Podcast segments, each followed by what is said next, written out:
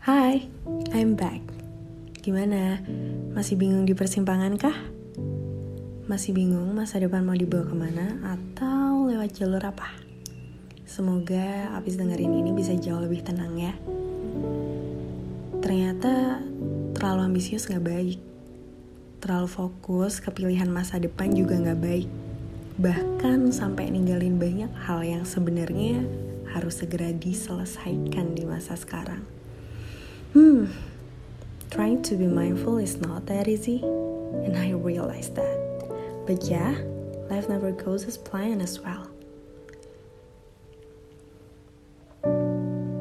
Di perjalanan buat meraih mimpi sekaligus menjadi dewasa, mungkin sebagian besar ngalamin ini.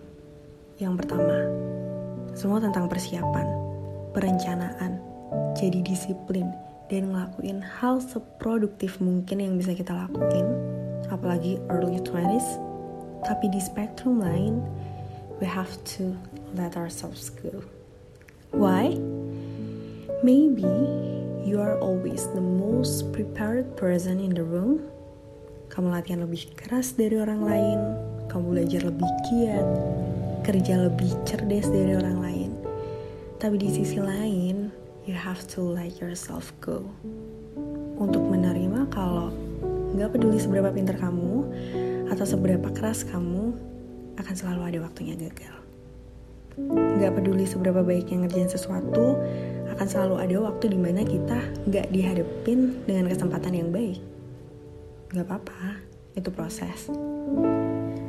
So ya, yeah, belajar let go untuk semua plan, ambisi, keinginan.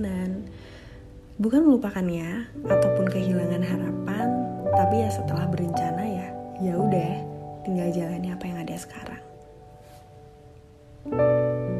Kadang kita tuh berencana terus bayangin, ya bagus buat visualisasikan part of LOA. Cuma kalau terus-terusan bayangin yang enak-enaknya aja ya, pusing banget rasanya kayak nggak nyampe-nyampe gitu sampai nggak nyadar buat dapetin itu ya ada proses yang harus dilewati cuma sekedar bayangin aja I think in this stage just being prepared as you can be being as curious and open-minded as you possibly can for what life throws at you because again life never goes as planned percaya sama Tuhan di waktu yang sangat tepat akan ditunjukkan jalan yang paling sesuai. Gak usah ditunggu, capek nanti.